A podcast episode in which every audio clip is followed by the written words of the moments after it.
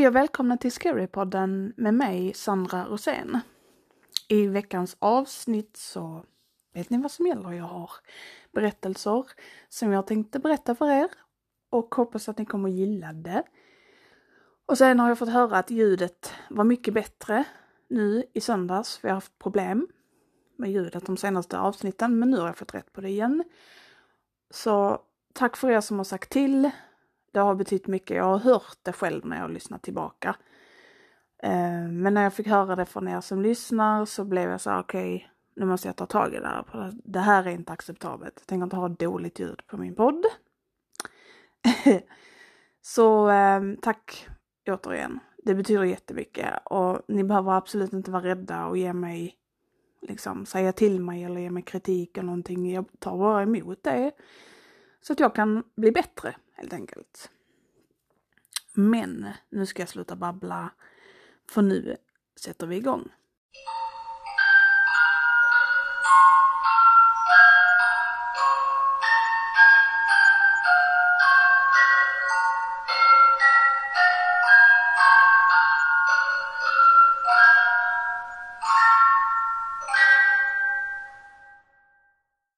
När jag var liten så gick jag i sömnen rätt ofta.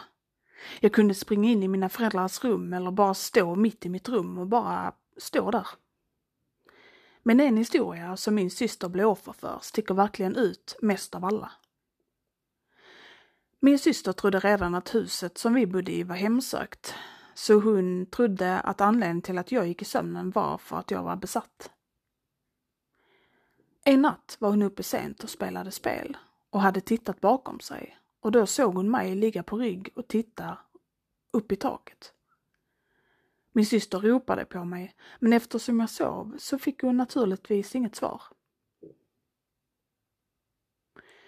Hon blev såklart väldigt rädd. Så hon la täcket över huvudet och bestämde sig för att sova istället. Efter ett tag så vaknade hon senare på natten. Hon sa att jag satt rakt upp och stirrade rakt fram. Min syster var livrädd, så hon skrek åt mig och la sig sen under täcket igen. Efter att ha somnat igen vaknade hon en sista gång. Hon slet ännu en gång täcket från hennes huvud. När hon gjorde det var jag det första hon såg.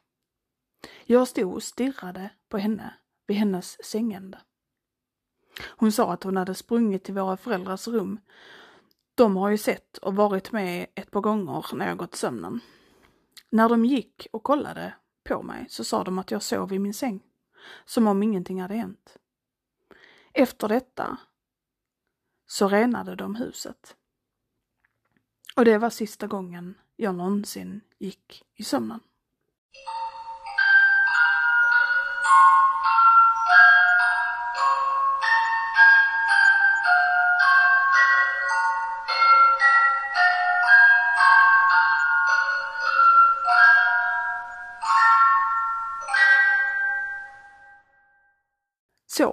Min bästa vän, låt oss kalla henne Leia.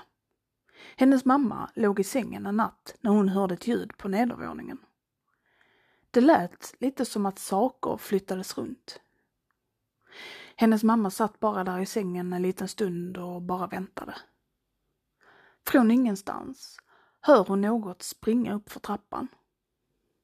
Den öppnar hennes dörr och står där. Hennes mamma sa att det var min bästa vän. Tydligen gick min bästa vän på alla fyra, hoppade upp i sängen och skrek henne i ansiktet i typ tio sekunder. Vad det än var, sprang sedan tillbaka ner för trappan och gick ut genom ytterdörren. Detta hände också i Minnesota, så det är inte ovanligt att stöta på saker som dessa. Och för att komma ihåg, min bästa vän sov över hos sin kompis den natten eftersom det var helg. Så om det inte var en skinwalker, vad var det då?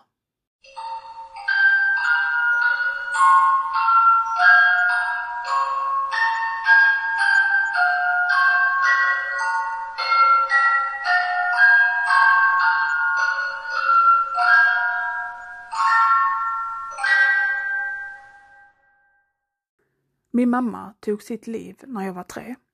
för att hon inte kunde hantera mig. Hon stod vid köksbordet och hackade grönsaker.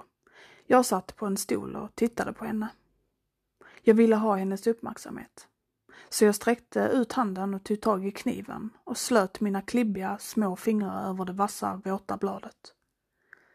Min mamma skrek och försökte lyfta kniven ur mitt grepp, men det fick mig bara att greppa hårdare. Nej, nej, skrek min mamma. Du kommer att skära dig. Och drog tillbaka mina fingrar, en efter en, från kniven. Sedan tittade hon på min blodfria hand, som bara var insmord med lite grönglittrande sellerijuice. Hon visste då. Hon visste bortom allt tvivel. Hon kunde inte låtsas längre. Hon hade vetat ända sedan jag föddes. Det måste hon ha. Likaså barnmorskan och sjuksköterskorna som förlöste mig. Men de förträngde alla den kunskapen. När allt kommer i kring var jag där, en frisk bebis som fortfarande behövde vård. Trots att jag är död. Min mamma tog upp kniven. Hon log lite och grävde in spetsen i det mjuka köttet av min arm. Jag log tillbaka. Mamma lekte med mig. Och sträckte sig efter kniven igen. Jag ville behålla hennes intresse och grävde ner det lite djupare i min arm. Titta mamma! Mamma drog undan kniven och tittade sorgset på blodet som inte fanns där. Hon förde sitt ansikte nära mitt och tittade djupt in i mina ögon.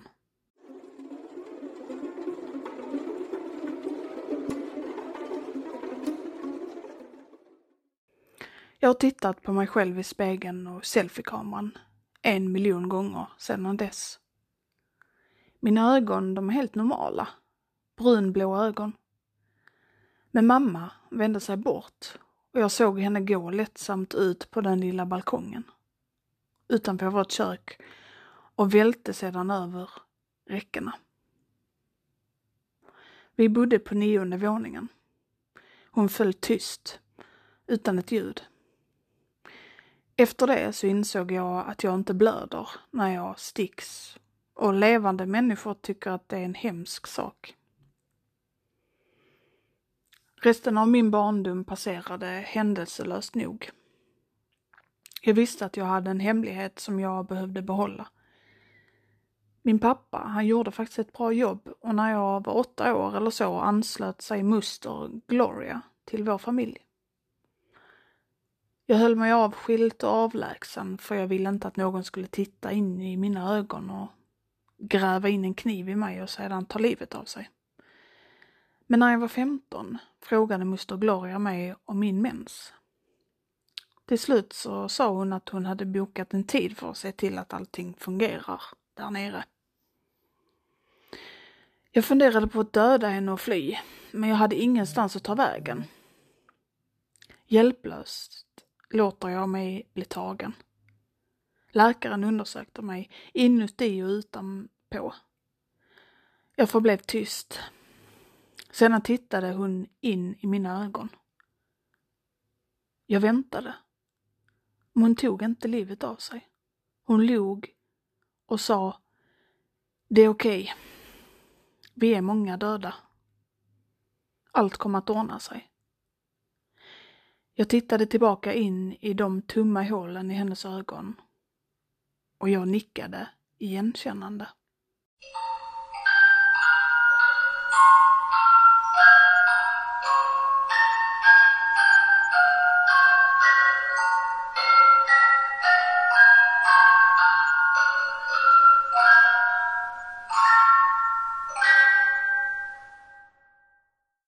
Julia var en vacker ung kvinna som precis hade flyttat till en ny stad för en nystart. Hon hittade ett bra jobb, fick några nya vänner och träffade till och med en charmig kille som hette Mark. De klickade direkt och började dejta. En kväll så bjöd Mark över Julia till sin lägenhet på middag. Han hade lagat en utsökt måltid och de delade på en flaska vin, skrattade och pratade långt in på natten. Julia kände att hon äntligen hade hittat någon speciell. När de höll på att avsluta kvällen frågade Mark Julia om hon ville se något coolt. Hon gick med på det och han ledde henne till ett litet rum i andra änden av lägenheten. Rummet var kolsvart och Julia kunde inte se någonting. Mark sa åt henne att vänta där medan han tände lampan.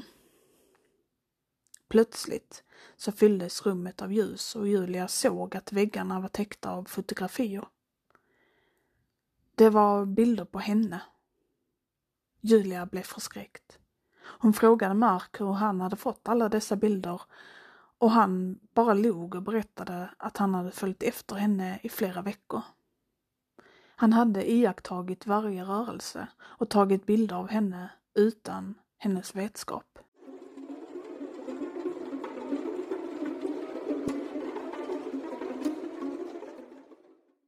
Julia försökte gå, men Mark tog tag i henne och ville inte släppa henne. Han sa att han inte kunde leva utan henne och att det var meningen att de skulle vara tillsammans för alltid. Julia kämpade för att komma loss, men Mark han var för stark. Precis när hon trodde att allt var över kom Julia ihåg ett självförsvarsdrag som hennes pappa hade lärt henne för flera år sedan. Hon sparkade Mark i ljumsken och sprang ut ur lägenheten så fort hon kunde. När Julia kom hem skakade hon fortfarande av rädsla. Hon försökte lugna sig genom att duscha men när hon tittade ner så såg hon en liten kamera som satt fast på insidan av byxbenet. Julia insåg att Mark hade filmat henne varje gång som de var tillsammans. Hon fick ont i magen och ringde polisen. Det visade sig att Mark hade en lång historia av stalking och hade gripits tidigare för liknande brott. Vad är twisten då? Jo, eh, när polisen genomsökte Marks lägenhet hittade de ett gömt rum i källaren med dussintals andra kvinnors fotografier. Alla hans tidigare offer. Julia hade med nöd och näppe undgått att bli ännu en av hans skrämmande berättelser.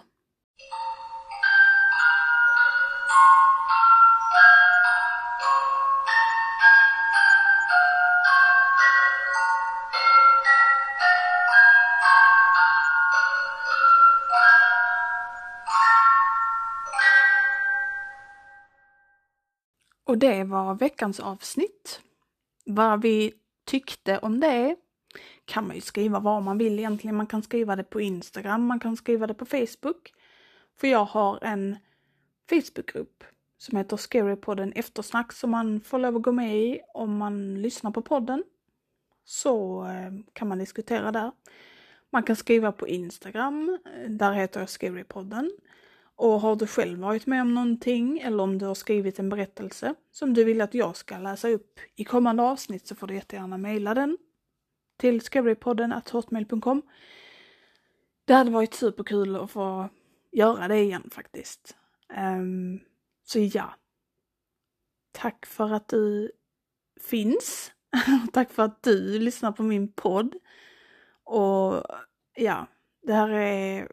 Jag vet inte hur många gånger jag kan säga det. Det känns som att jag tjatar hål i, i öronen på alla men jag älskar verkligen att göra det här och det här är verkligen så kul. Så eh, tack för att just du lyssnade.